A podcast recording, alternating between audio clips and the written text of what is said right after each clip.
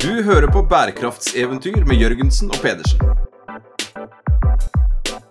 Bli med på eventyrlig jakt på bærekraftig business.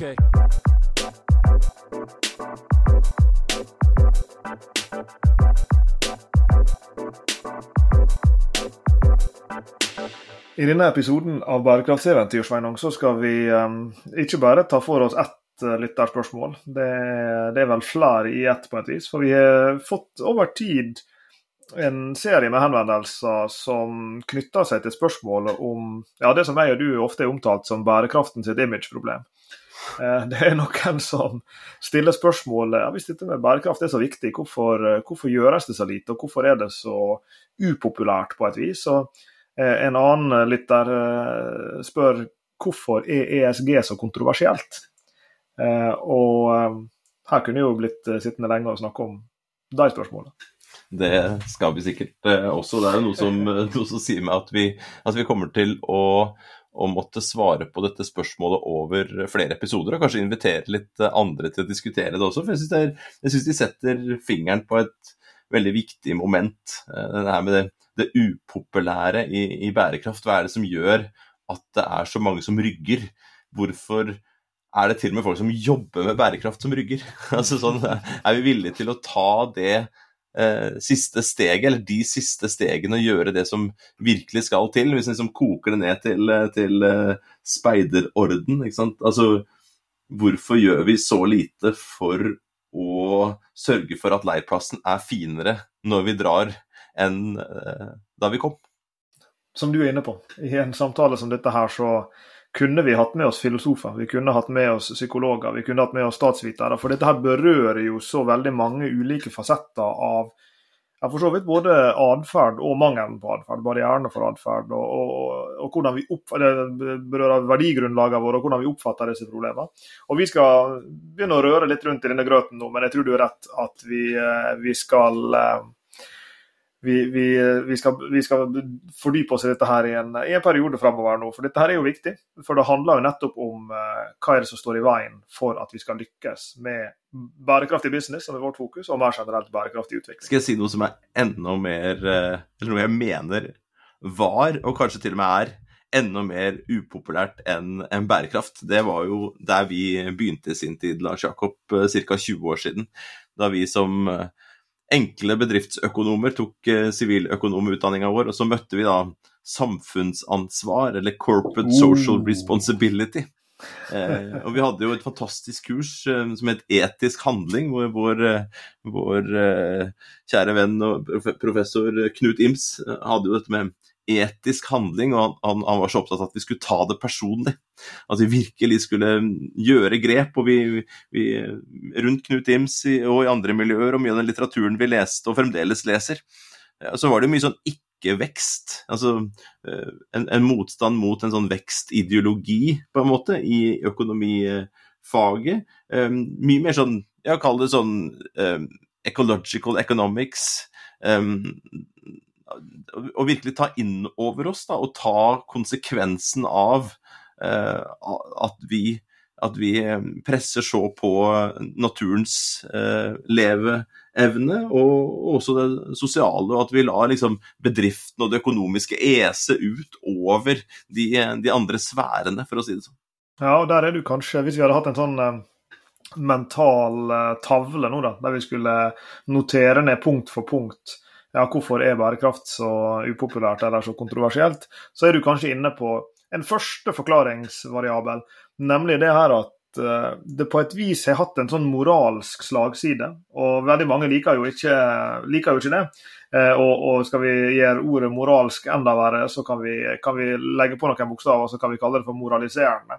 Uh, og det er klart at det, det er nok en sånn en, en hyppig skal vi si, eh, sånn motreaksjon mot bærekraftsagendaen. Og vi, vi, opplever jo dette, selv om jeg og du om noe Sveinung, har vel oftere fått kjeft og juling for å være for pro business og for glad i lønnsomhetsmål knytta til bærekraft, så, så, merker vi jo likevel i veldig mange sammenhenger, og kanskje spesielt før, før i tida, eh, at folk veldig raskt liksom tilla deg rolla som en slags sånn moralsk pekefinger når du begynte å snakke om bærekraft, sjøl før du hadde rukket å si mer enn B-ordet. Ja, Det er bare å stå i, køen det på et, uh, på et, julebord og skulle forsyne seg med mat. ikke sant? Så står en eller annen luring bak deg, og pirker deg på skulderen og sier 'Ja, jeg ser du spiser kjøtt'.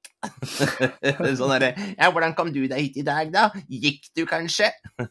ja, men det er sånn derre Det oser jo av, av, av, motstand på et vis, og det oser jo også Vi har jo møtt dette her og møter det jo hele tiden.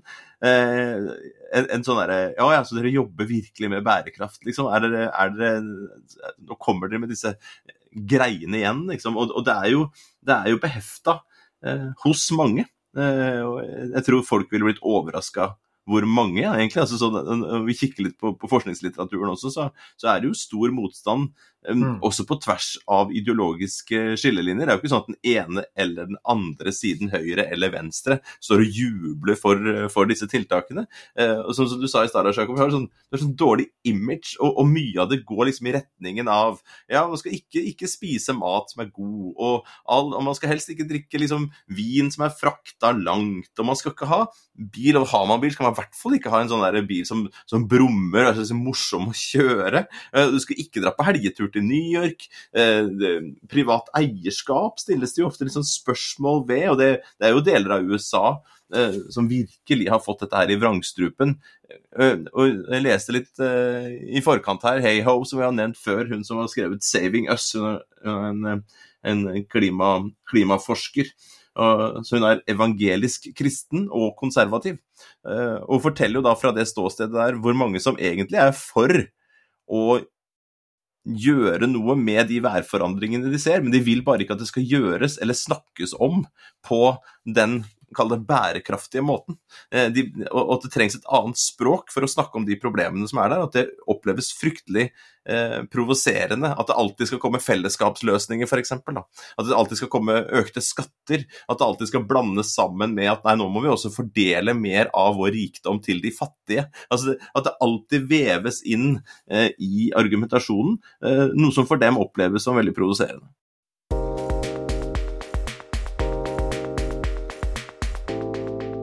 Nå tror jeg vi fikk to punkt til på vår eh, imaginære eh, tavle her. Det ene punktet som, som du er inne på, det, det berører jo litt dette forrige som vi, som vi snakka om med det moraliserende. Eh, men, men, her i en litt sånn politisk forstand. For en ting er at det kan Og jeg vil kalle det for liksom sånn innsmugling. Altså, Noen opplever at det smugles inn noen moralske posisjoner i bærekraftssamtalen, og veldig veldig mange opplever vel at det smugles inn noen politiske posisjoner.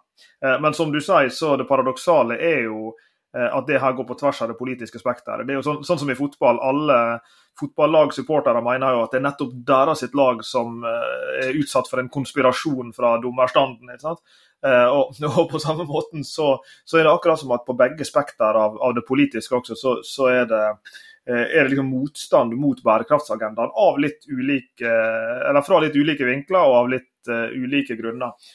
Så, så den her politiske greia, det tror jeg vi skal komme til Selv om verken jeg eller du har vår spisskompetanse på det politiske, så skal vi komme litt inn på, på, på akkurat det her. Hva er det for noe, dette som, som kanskje smugles inn, eller i alle fall oppleves at det smugles inn i bærekraft og, og inn i ESG, og som nok eh, står bak noe av motstanden, ikke minst den som vi ser som du er inne på i, i, i USA. Eh, og Så er det jo en ting til du sier her da, som kanskje er et, eh, et eget poeng, og det er dette som, som handler om språkdrakt og, og, narrativ. Altså på hvilken måte er det bærekraft snakkes om. Eh, og og det henger selvfølgelig sammen med, med, med, disse andre tingene her. Altså, hva, hvordan er det vi rammer inn problemet? Hvilke ord er det vi bruker for å beskrive problemet?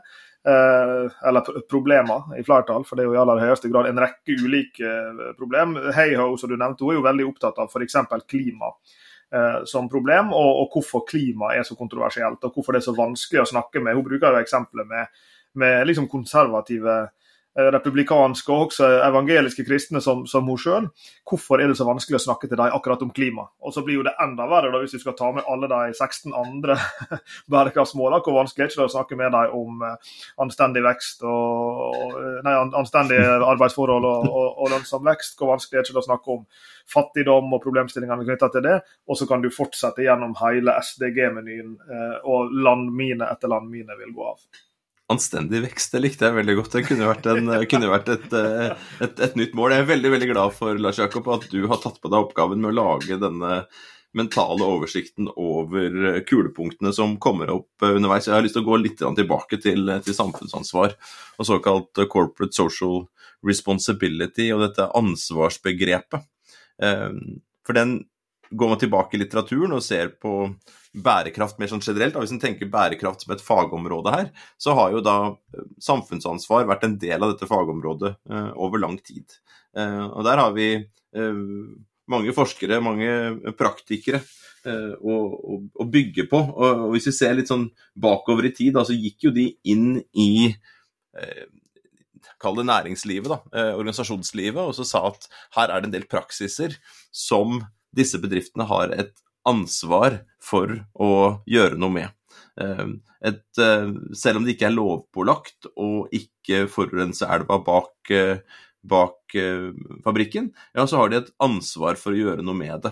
Og dette eksternalitetsbegrepet som vi ofte bruker, denne skyggesiden, da, det var jo gjerne utgangspunktet også da, da vi begynte så vidt inn i, dette fagfeltet, så var det jo veldig orientert mot disse litt sånn negativt altså de negative sidevirkningene, de negative eksternalitetene som, som bedriften hadde et ansvar for.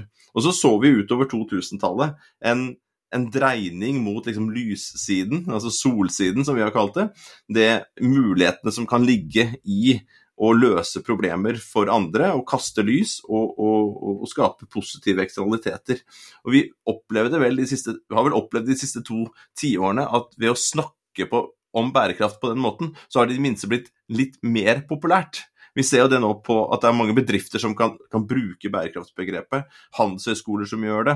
Eh, konservative eh, partier og også eh, ja, sosialistiske partier som også vil bruke den, den termen om, om bærekraft. Og, og, og det, det, det, sier i hvert fall at, bærekraft er, er, er lett, lettere å spise enn en det gamle samfunnsansvaret. Samtidig så ligger jo litt av dette samfunnsansvaret eh, på bedriftene, men også da den enkelte. Det å redusere sitt eget fotavtrykk. Og, og det er ikke så lett å redusere sitt eget fotavtrykk og ha det gøy samtidig. det er noe med det. Og jeg husker jo veldig godt tilbake igjen til eh, det var jo faktisk akkurat i tide at vi starta det store masterkurset vårt på, på NHH som har rulla godt siden 2014. Eh, at vi endra terminologien i våre egne artikler og bøker og sånn fra det gamle ansvarlige forretningsmodeller, responsible business models, til bærekraftige forretningsmodeller, sustainable business models. Det var akkurat før eh, der i 2014. Og jeg husker jo veldig godt uh, på den tida når vi var inne, sånn som vi fortsatt er, på, på MBA-utdanninga til NHH, enten det var i økonomisk styring eller det er i liksom, finans eller hva det måtte være eh, at det skjedde noe når vi Den lille begrepsendringa der fra responsible til sustainable. Eh, og, og, så er det på en måte altså På et vis er det på godt og vondt. fordi at mm. Hvis du tenker på ja, hva var det som var, var, var, godt med det? Jo, det som var godt med det, var jo at, at uh, når vi brukte dette ordet 'responsible', eller ansvarlig, ja, så, så, kom en seg jo aldri ut av den der skyttergrava hvor en skulle diskutere, dels diskutere og dels krangle om ja, hva er det egentlig en har ansvar for, og ansvar i hva slags forstand. Um, og, og, det de der småkranglene der de forsvant litt når en kunne gå inn med overskriften 'Sustainable Business Models'. fordi at Akkurat som at det, det var mindre polariserende i en forstand, eller mindre sånn utfordrende. Det kanskje det, ikke, et, bedre ord i, i, den sammenhengen. Men det er klart at noe av det som en mister, da, og som jeg, som jeg hører at, eh, at flere og flere ledere eh, etterspør litt i dag, og kanskje spesielt eh, etter den store purpose-diskusjonen. Har blåst sin Kan en blåse sin seiersgang? Det kan jeg vel ikke. En har blåst en vind over næringslivet de siste åra. Så det er flere og flere som, som i en viss forstand etterspør denne diskusjonen om ja, men hva med ansvarlighet? Hva med bærekraftsavtrykkene vi har ansvar for, kontra de som vi bare nær sagt skal skal håndtere av en eller annen ytre orientert grunn. Eh, så det er klart at noe av, noe av den greia der har en jo på et vis mista litt fra, fra, samtalen, både faglig og, eh, og praktisk. Da. Jeg må si jeg foretrekker Jeg, jeg, jeg syns det var en lettelse å kunne gå inn i, i, i en litt annen språklig innpakning. Um, men samtidig så ser jeg at, at det kan også være med på å i en viss forstand tåkelegge, men at, at, det er noe som, som en mister også i eh. Det er jo litt interessant at, at bærekraft er upopulært i begge, begge, kretser. Det er sikkert enda flere også, men begge de to kretsene. da. Det er upopulært hos de som forfekter ansvarlighet. Eh, og så er det også upopulært blant de som ja, han det også er opptatt av ekte bærekraft. Da. Eller, eller, og, og, og, de som også da En tredje gruppa eller fjerde gruppa, eller hva nå den blir. Eh, de som vil ha eh, profitt på, på dagsordenen. At det er, den, det er det fremste. Eh, ved at en bedrift da, er, er, lønnsom, så betyr det at de som har eh, kontraktfesta krav med bedriften, de får sitt. De ansatte får lønn, kundene får eh, produktene sine, banken får, får, får renter og avdrag, og, og, og myndighetene får, skatten sin. Og er det noe til overs, så går det til eierne. Så får eierne være opp til eierne eh, hvordan de vil, vil, bruke det de har fortjent, om de vil reinvestere det eh, i selskapet, ta det ut og investere i noe annet, eller bruke det som, som de eh, ønsker. Det er liksom grunntonen i en sånn kapitalistisk markedsøkonomi. Eh, så kom dette eksternalitetsbegrepet inn, og vi hører det også i finans, det med å internalisere eksternalitetene. Det å virkelig ta inn over seg de negative konsekvensene som bedriften har sendt videre til andre. Eh, for i en sånn eh, modell som jeg kjapt forklarte der, med disse ulike interessentene som får det de har krav på kontraktmessig, så er det jo mange interessenter og miljø som ikke har noen kontrakter. Det er ingen som står på barrikaden og sørger for at de får det de fortjener, før eh, resten går til, eh, til eierne. Så det kommer jo inn en sånn ansvarlighet i språkdrakten inn i faget bedriftsøkonomi også, hvor du sier nei, her er det noen eksternaliteter som ikke blir håndtert, og de må internaliseres i, i, i selskapet. Og det, jeg sitter og tenker på hva er det som kan være populært og lettspiselig hos bedrifter og hos enkeltindivider når det gjelder bærekraft. Egentlig så burde det være ganske greit, apropos speiderbildet, at du forlater den, eh, den leirplassen i bedre stand enn, enn da du kom. Det, det, virker jo som et, et OK prinsipp. Samtidig så vet vi det nå at vi som mennesker, bedriftene våre, andre organisasjoner, ja, de tar ut mer ressurser enn det som rekker å, å si, gro. Eh, og vi forsøpler mer, og vi bruker mer energi. Og vi har jo et samfunn i dag også som er dønn avhengig av fossile energikilder olje, gass og, og, og, kull. Og den tror jeg stikker dypt. Altså. Jeg ser det i litteraturen også, at det også virkelig forestiller at man skal kunne skru av de energikildene på så kort tid som trengs. Eh, å ta inn over oss det å gjøre de, de grepene, det gjør faktisk så så vondt eh, at jeg tror det er mange som bare ignorerer hele problemet. Altså, det gjør så vondt å være et dårlig menneske som ikke gjør noe med disse tingene, at det er nesten bedre å forsøke å ignorere det, eh, leve videre uten. Og, og, og, de da som forfekter bærekraftige løsninger i retning ansvarlighet, i retning ikke vekst, eh, i retning det, det, lokale, det nære. Ikke skal vi reise, ikke skal vi spise, ikke skal vi kle oss, ikke skal vi, ikke skal vi, ikke skal vi. Ja, de, de, sliter jo der med å komme igjennom med budskapet sitt. Selv om jeg tror veldig mange egentlig ville tenkt at ah, dette skjønner jo skjønner jo at vi ikke åtte milliarder mennesker kan ikke leve som oss. Eh, og, det, og, og, vi bør gjøre noe med det, men, men, men hvor skal vi begynne, liksom?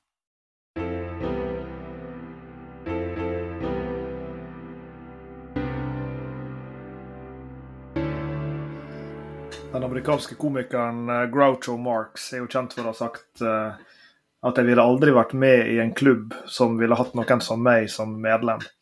Uh, og litt sånn uh, kan jo du kanskje få feelingen rundt, rundt bærekraftsfeltet også. fordi det, det, det, paradoksale her er jo nettopp at disse motsetningsforholdene som vi snakker om her, de er der i det store bildet. Men så er de jo der også i det lille bildet. Selv innenfor de som er relativt sett mer enige, så er det jo sånn som i Life of Brian med Monty Python, hvor du har uh, The Judeans People's Front, som er så brennende uenig med Ju The People Front of Judea, eller et eller annet uh, i den retning. Og Det er jo interessant, det her med bærekraft også.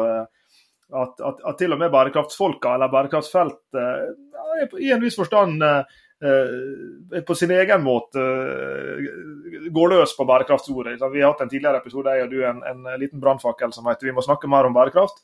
Eh, for det er jo veldig mange som, som mener at vi, vi, bør ikke snakke om bærekraft. Det er mange som mener at ja, vi burde ikke rapportere på bærekraft, vi burde ikke måle på bærekraft. Her er jo en del sånne små slagmarker internt også her.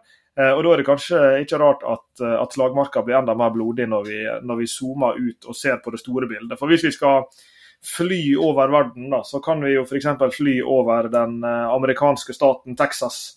Hvor det for ikke så veldig lenge siden ble, ble vedtatt lover som, som var kalt anti-ESG. Altså at, at en skulle ikke benytte seg av investerings- eller av finansinstitusjoner som som hadde ESG-policyer, eller som, som tar ESG-grep i investeringene sine, de, de, skulle en da velge vekk. Så en skulle paradoksalt nok screene vekk institusjoner som screener vekk på ESG-grunnlag. Det er jo nesten en slags sånn metavits inni der et eller annet sted. Uh, og Det var vel du som en gang tror jeg fortalte meg Sven, at her er Nå glemmer jeg hvilken stat det var, men i uh, en av uh, sørstatene i USA hadde, Alabama. Alabama hvor eh, det ikke er lov å eh, putte SDG-ene, FN sine bærekraftsmål, inn i undervisninga på noen som helst slags, eh, slags, måte. Så ja, vi kan se disse små krigene på slagmarken innad i et lite bærekraftsfelt, men der er jaggu høye bølger også når vi ser på verden sett under ett. Da er det litt interessant da, at en ESG-forsker Han ville jo drept oss for, hvis vi sa det høyt, men jeg sier det igjen. En, en ESG-forsker som, som Alex Edmonds da har nettopp har fall publisert et working paper, som vi har nevnt i en tidligere episode også, et working paper som han kaller 'The End of ESG'. Så det, det er ganske interessant den reisen han, han, forteller inn i feltet, for han er jo en, en økonom som, som, i sitt doktorgradsarbeid var opptatt av verdsetting av bedrifter og disse ikke-fysiske, altså de immaterielle ressursene, og, og, og hvilken verdi det har Eh, om, i, i, når man verdsetter et, et, selskap. Det kan være sånn som kultur, f.eks. Unnskyld? Nei, du, jeg, jeg, skulle bare si at for, for kall du innvidde eh, lyttere som ikke kjenner Alex Edmund, så er han altså professor i finans på London Business School, og er jo viden regna som å være en av de sentrale finansforskerne altså innenfor kall det hardcore finans. Så, så sånn i, i Eh, som en slags sånn saksopplysning, da, eh, så, så, snakker vi om her noen som har starta ganske langt utenfor det som vi vil tenke på som et bærekraftsfelt, men som jeg er helt enig i i stor grad nå er en mann som er i front på å, å, å forske på ESG. og Det forteller jo i seg sjøl en, en, interessant historie. Men unnskyld eh, den innskutte sklitaklinga. Jo da, men det er sånn inni bobla noen ganger, så kan man jo glemme det. Eh, så takk for, takk for, konteksten, eh, Lars Jakob. Han er jo også kjent da for å ha skrevet boka 'Grow the Pie', hvor han, hvor han introduserer begrepet pie economics, altså det å, bake en større kake og at, eh, at, bedrifter er nødt til da, å skape merverdi for flere interessenter. Men i eh, artikkelen han nettopp har publisert da, et, et, et, arbeidsdokument, da, dette er under, un, altså et, et, dokument som er uh, under utarbeidelse, uh, hvor han da skriver om, det, om, om, om døden. Altså, og, nei, altså det, nei, nå må jeg Det ble så mye hardere sånn Død over ESG. det hadde vært mye fetere om han skrev paperet på norsk, men altså Finansforskeren som skrev om døden. Ja, Ja, ja. Men uh, som jeg var inne på i stad, før du ga oss litt uh, viktig kontekst, uh, Lars Jakob, så, så, gikk han som finansforsker inn litt sånn baklengs inn i den fuglekassa. Han, han, mente jo aldri å skrive om ESG. Det er derfor jeg sier at han jeg tror ikke han ville bli likt og kalt en ESG-forsker. For han mener jo at han er en mye breiere forsker, og han mener jo også at vi, at vi, at vi går inn for smalt når vi bruker ESG-parametere. Eh, så, så, han vil jo breie det ut, langt utenfor bærekraft også. Han, jo, han mener jo at ESG er bare én av flere faktorer som driver verd langsiktig verdi i et selskap. Uh, og Der kan jo også kulturen i et selskap også være en, et eksempel på en sånn verdidriver. Så i de første paperne han uh, skrev da, i doktorgraden sin, og, og, ut av det, så var han jo opptatt av et, disse immaterielle, ikke-fysiske ressursene, og om, de, om investorer virkelig klarte å fange opp de og verdsette de på en, en riktig måte. Og, og der dukka jo ESG mer eller mindre opp for han. Han, han, han kom da inn i ESG-feltet for at han var opptatt av en del av de tingene. Eh, fordi at han var opptatt av hva som ga langsiktig verdi hos eh, selskapene. Han mener jo at eh, ESG er, nisj, at det er en nisje. At, at, vi er nødt til å tenke breiere og vi er nødt til å tenke dypere inn i den generelle økonomiske situasjonen til selskapet. Både de fysiske ressursene, men særlig de ikke-fysiske, immaterielle ressursene. Og Det er jo uh, setning jeg liker godt. Eh, det er den første setninga i paperet.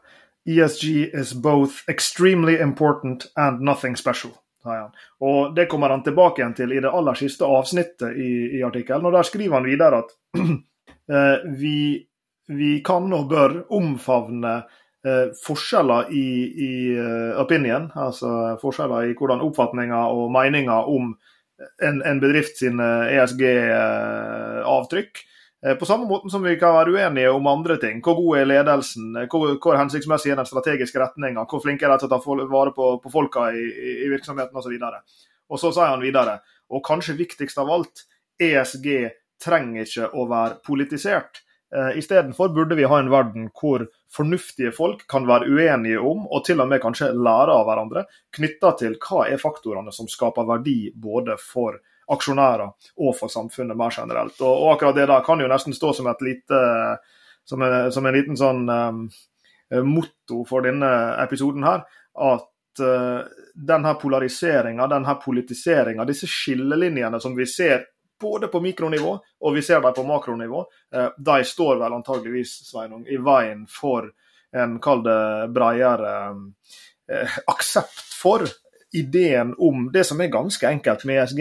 At jo, eh, det hadde vært greit om vi drev business da, på en måte som gjorde at denne leirplassen vår var noenlunde ryddig etterpå. Så de som kom og skulle grille pølser her neste gang, slapp å rydde opp etter de som var her før dem.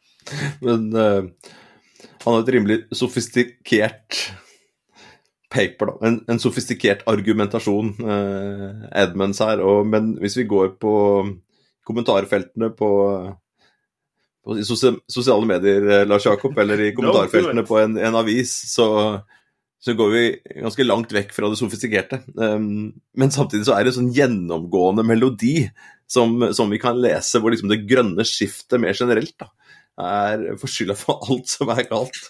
Hvis, uh, hvis uh, oljeprisene går opp, energiprisene går opp, eller hvis det er uh, for lite matvarer i butikken, eller hva nå det enn er, så er det liksom det grønne skiftet som står bak det. Dette har jeg advart mot lenge, jeg skrev allerede da sånn og sånn og sånn og slik og slik. Hva er det vi ser nå? Jo, dette er konsekvensene av det grønne skiftet. Og så kan du legge til litt antiglobalisme eh, inn, inn, inn, i, det hele.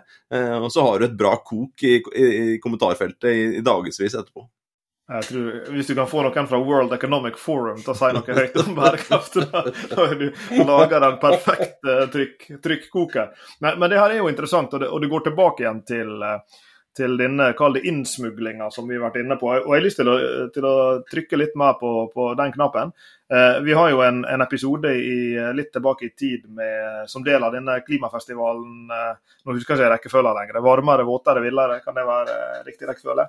Eh, ber om unnskyldning til, eh, til, Vilde Blomhoff og Jens Ulltveit Moe hvis jeg tok uh, gal rekkefølge her. Men i en av disse mange samtalene vi hadde om, om klima der, så snakka vi jo med, med UiB-forskeren Thea Gregersen, som, som bl.a. hadde forska på holdningene til klimaendringer og oppfatningene av det. Og Noe av den forskninga som Thea hadde gjort, fortalte oss uh, var gjort som del av uh, det som heter Norsk medborgerpanel, eller noe i den duren, som, som, ligger til, til UiB. Og, og, Der var det en spennende artikkel som ble publisert her forleden eh, i tidsskriftet Sustainability av eh, Kjersti Fløttum, Dorothy Jane Dankel og Jon Kåre Skriple eh, fra henholdsvis UiB og, og, og Sintef. Eh, og De ser jo da på eh, SDG-ene, eh, FNs bærekraftsmål, og norsk, den norske befolkninga sin kunnskap om og holdninger til disse bærekraftsmålene. Syns folk eh, som kommentarfeltet at dette her er noe absolutt vrøvl som er designa for å ødelegge livet våre, eh, eller syns de at dette her er fornuftig? For det er jo litt sånn skrått sagt, eh, Sveinung, litt absurd når vi leser oss gjennom bærekraftsmålene. Vi vil ha ingen fattigdom, vi vil at det ikke skal være sult, vi vil at folk skal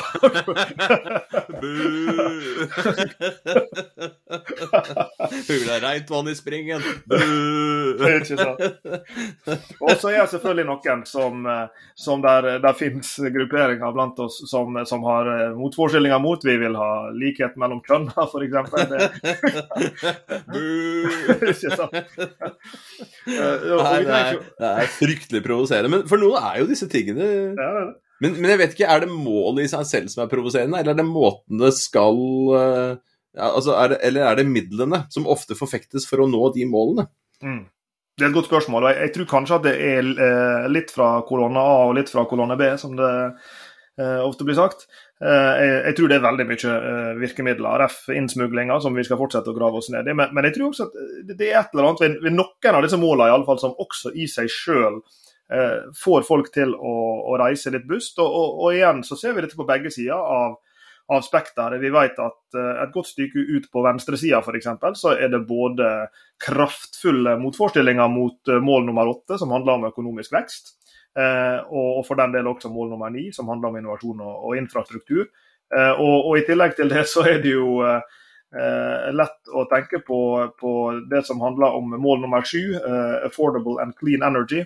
At her er en viss eh, motvilje mot en del av de energikildene som det der er, er snakk om. Og, og det befinner seg absolutt i like stor grad ute på, på venstrefløya av politikken som eh, høyrefløya. Så jeg tror på en måte det er en slags miks. Noen av disse målene blir folk irritert av i, i seg sjøl, men så er det nok helt klart, som du sier, ja, hva er virkemidler for å nå dem? Der begynner det virkelig å blåse høyt.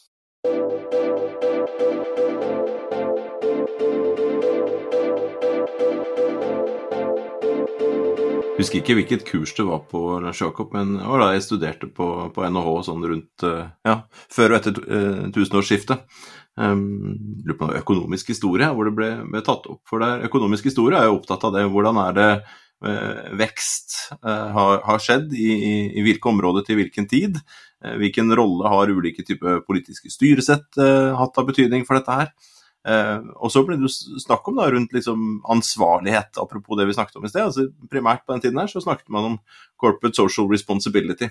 Eh, og så kom man inn på, på, på, eh, på og diskuterte forholdene for arbeidere i, i det det fjerne østen.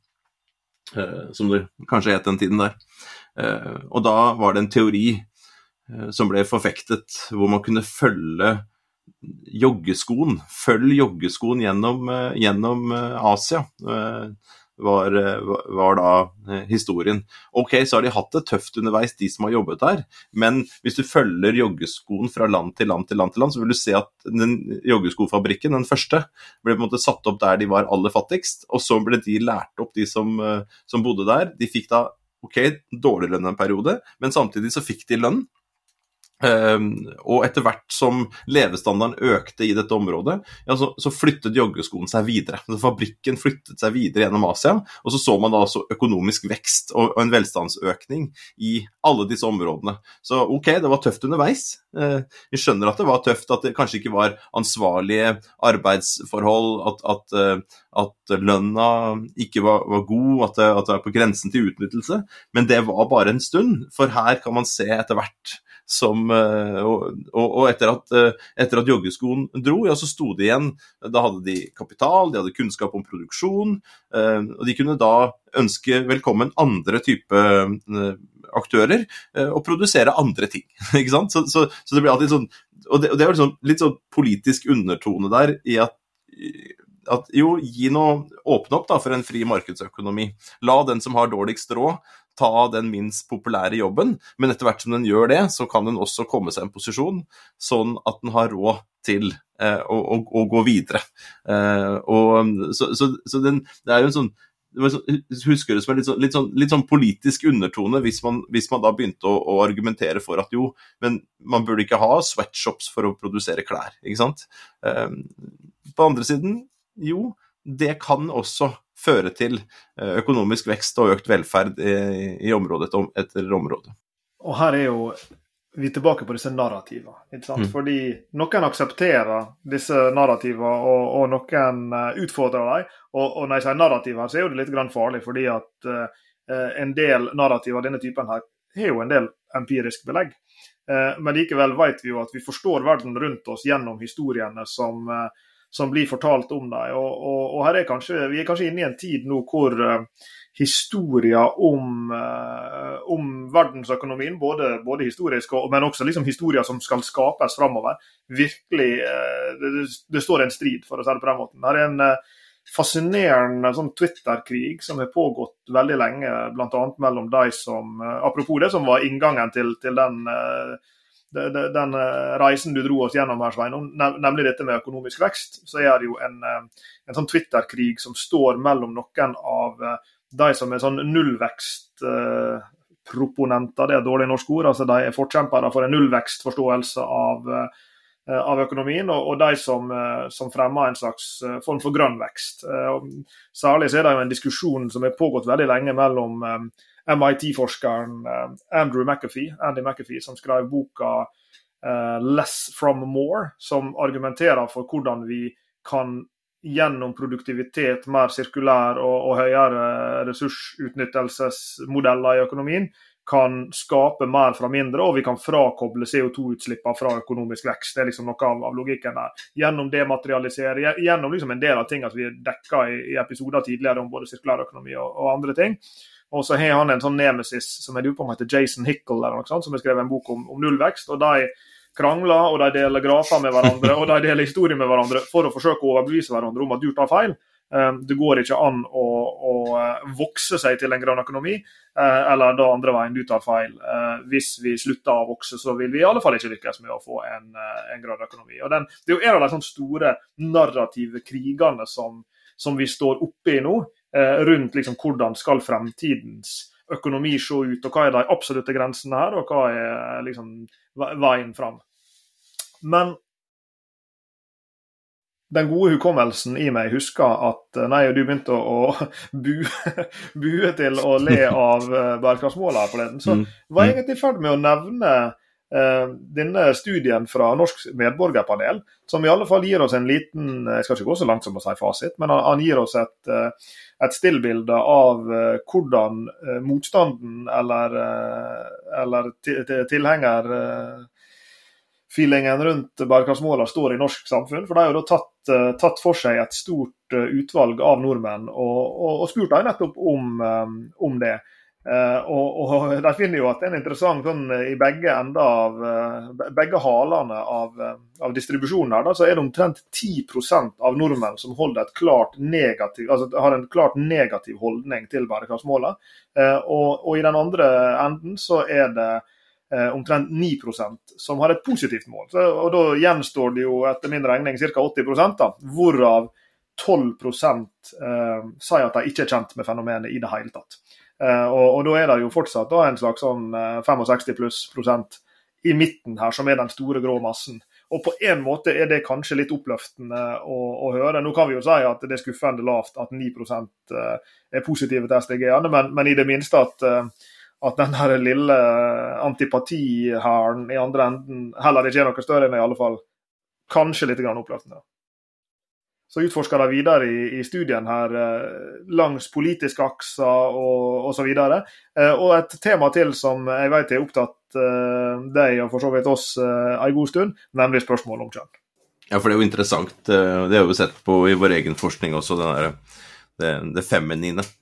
Hvor tett knyttet det feminine er til oppfattelsen av, av bærekraft, omsorg. Eh, vi ser det i undersøkelser at, at, kvinner er mer tilbøyelige til å velge kollektive løsninger, eh, fordeling av, av, av velstand eh, osv.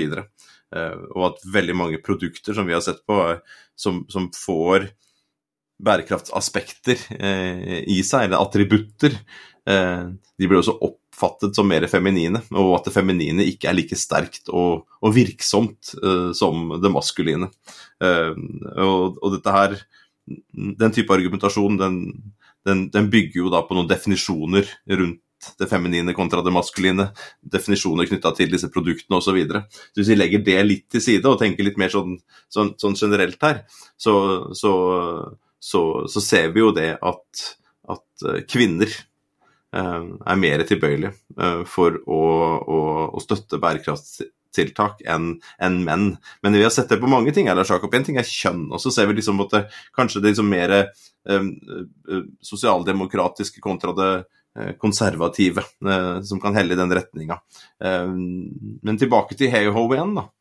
Så sier hun at så hevder jo hun da, og, og, og viser til studier hvor at nei, men folk langs ulike akser er jo på en måte opptatt av at den, at den leirplassen skal ryddes. Men de er ikke alltid enige om hvordan den skal ryddes, altså for å bruke den, den metaforen, for det er jo ikke det hun gjør.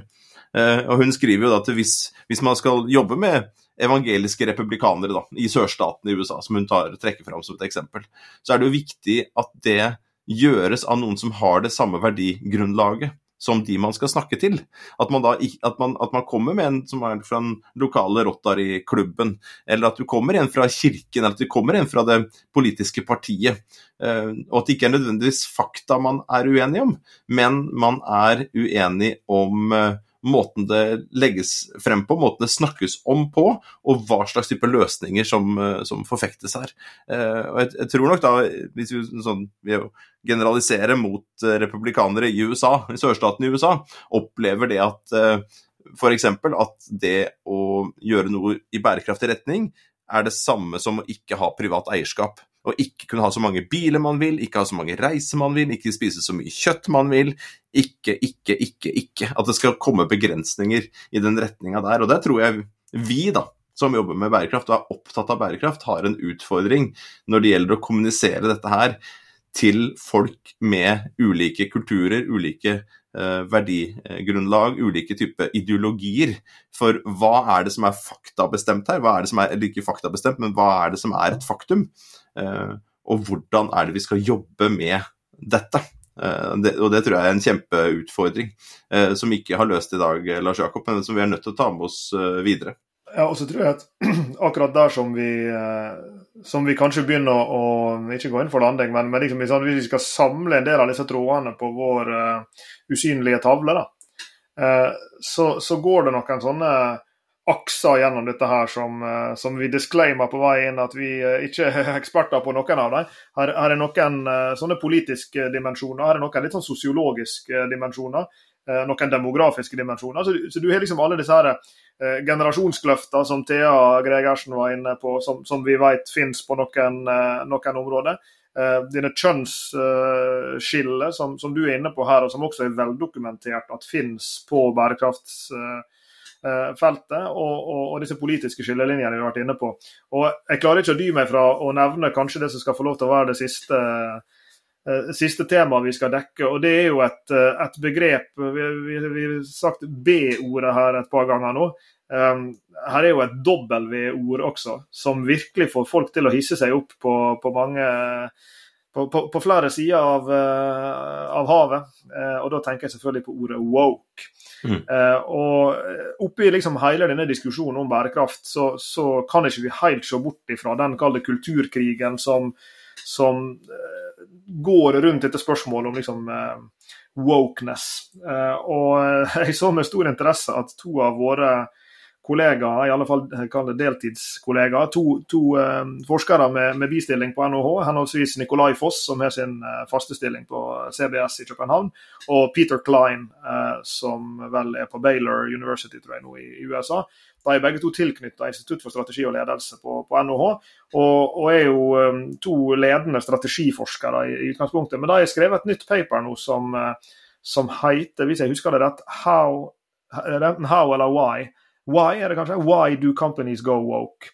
Eh, og De tar da for seg dette fenomenet som de kaller for corporate wokeness. Eh, og, og, Jeg syns det er litt interessant, fordi um, og, og jeg er nok ikke helt uh, 100% komfortabel med Kall det begrepsbruken her. Klarer vi liksom å spikre ned et slikt fenomen som woke uten å, eller wokeness uten å smugle inn våre egne biaser av hva det er? Enten vi kommer til det fra den ene sida eh, eller fra, fra, den andre. Eh, men jeg så at Nikolai Foss, jeg fikk ikke vært der sjøl, men forrige uke hadde han et seminar på NHH der han diskuterte dette fenomenet av woke companies. og Der beskriver det som those that are committed to socially progressive causes with a particular focus on diversity, equity and inclusion. Eh, og Så spør de seg da om ja, hva er det som gjør at eh, bedrifter i økende grad Um, har ansatte som jobber spesifikt med disse temaene, som uh, skal bygge dem inn i, i strategidokumenter til virksomhetene, og også skal måle KPI-er knytta uh, til dette her. Og Her lurer jeg på om vi liksom befinner oss litt sånn hårfint opp mot den der, uh, den der grensa vi var, var, inne på i stad, med liksom ja, ting som egentlig har en ganske positiv klang. Da. Diversity, inclusion, equity begrep som jeg i utgangspunktet skulle tenke var, var ganske ønskverdige egenskaper ved, eh, ved f.eks. en organisasjon, men som vi ser da at her er liksom nå en sånn gryende skepsis rundt ja, vektlegging av diversity, vektlegging av, av inclusion. Akkurat på samme måten som vektlegginga av klimaproblemet og andre sånne mer miljømessige problemstillinger vi, eh, vi har vært inne på tidligere i samtalen. Jeg syns det er noe interessant der over hvordan disse konfliktlinjene her er så veldig tydelige både på linjene og mellom linjene. Can of worms. altså, det å åpne opp denne diskusjonen, Lars Jakob, det åpner for mange ting. Og den, der, den mentale lista di, der er det mange punkter nå. Eh, du brukte SDG-en her som eksempel. altså Bare se på SDG nummer én. Ingen fattigdom. Og er, jeg tror det er et mål som veldig mange kan være enig i, men middelet for å nå det målet kan oppleves da som på en måte moderne woke. da, Ser man, til, ser man på woke-begrepet liksom fra 40-tallet i USA, da, eh, om å, å, å, å våkne. Eh, og, og, se den sosiale urettferdigheten som, som, de svarte var utsatt for. Dette er jo det, det, er der det, det, er der det kommer fra. Og så har det blitt tatt over i dag. da, eh, og blir brukt som du sier, på, på begge sider. Eh, både positivt og negativt. Men, men ingen fattigdom som mål, men hva er middelet? Og, og, hva er bærekraft da? Er det å fordele vår rikdom? Eh, er det at Norge, som en så rik nasjon, har et ansvar for å fordele den rikdommen, og at vi skal leve um, med mindre uh, velstand enn vi gjør? Eller er det å si det at uh, hver enkelt person og hver enkelt land har selv et ansvar for å jobbe like hardt som vi har gjort, sånn at de også kan komme i den samme situasjonen? Ikke sant? Eh, så, så, jeg tror liksom, eh, likhet mellom kjønnene også. Altså, det, er, det er så vevd inn der. Hva er det som betyr å være kvinne? Hva er det som betyr å være mann? Hvilket ansvar har vi? Eh, altså, alle disse her målene, én og én og én, vil på en måte Målet kan, kan, ligge der, men så er det liksom forståelsen av hva det innebærer, og hva slags type mekanismer som skal iverksettes, da, og hva slags type politikk, eh, hva slags type organisasjoner vi, vi, vi skal ha. Så sånn sett, Lars Jakob, så tror jeg vi, vi tror vi må leve med at, at bærekraft er upopulært, ja. Og så, så jeg tror jeg siste episode så avslutta jeg vel med en sånn liten sånn eh, Kjente jeg sto litt på, på barrikadene der. Eh, og piska en, en, en, gammel hest, altså en død hest, eller hva det heter, og si at vi, vi må prate mer om bærekraft. Altså vi som er i dette feltet, må anerkjenne at det er upopulært. Vi må anerkjenne at det er ulike typer ideologiske stå, ståsteder her. Eh, og vi må jobbe for å få et bedre og rikere språk og en, en, en bedre forståelse. Eh, og så må vi kunne gå på tvers av kulturer, på tvers av ideologier, og så begynne å prate med hverandre på en sånn måte at man forstår hverandre, og sånn at man faktisk kan jobbe mot de målene som man faktisk har felles. da, å og, og finne virkemidler som, som, kan gå på tvers av ideologiske, politiske, kjønnsmessige og, på å si whatever eh, type eh, skillelinjer. Og så hviler det kanskje et særskilt ansvar på de av oss som taler bærekraftens sak, da, enten vi er bærekraftseventyrere eller forskere, eller vi er bærekraftsdirektører, eller vi, vi jobber for eh, NGOs, enten på det sosiale eller miljømessige området, eller vi, hva det nå enn måtte være. slags rolle vi har, så hviler det kanskje et særskilt ansvar på oss på å være ekstra tydelig på når vi snakker faktum, som du var inne på. Når vi snakker eh, om hvordan ting er. Eh, og når vi snakker verdier og ideal, og hvordan vi skulle ønske at ting var, og hva som er vår foretrukne måte å komme oss dit på. For jeg tror skal vi klare å løse opp disse knutene da, og gjøre dem litt mindre antenne, lettantennelige og, og, kontroversielle, så må vi, som du var inne på i stad, for det første ha et språk som er tilpassa mottakeren, så kanskje må da Heiho snakke annerledes om klima til sine republikanske, evangelisk kristne venner enn hun må til, til, til, andre publikum som hun snakker til, og som, som andre klimaforskere helt andre steder i verden eh, snakker til.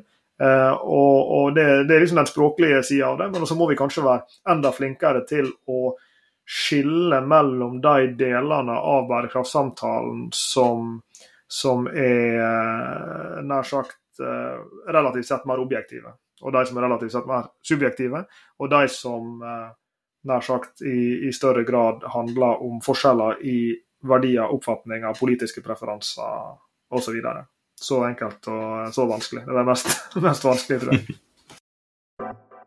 Du har hørt på Bærekraftseventyr med Jørgensen og Pedersen. Send e-post til eventyr.krøllalfa.jorgensenpedersen.no for å stille spørsmål eller komme med forslag til tema for fremtidige episoder. Og besøk jorgensenpedersen.no for mer informasjon om denne podkastserien. Okay. Derfra kan du også fortsette samtalen med oss i sosiale medier på Twitter, Facebook, LinkedIn, YouTube og andre steder.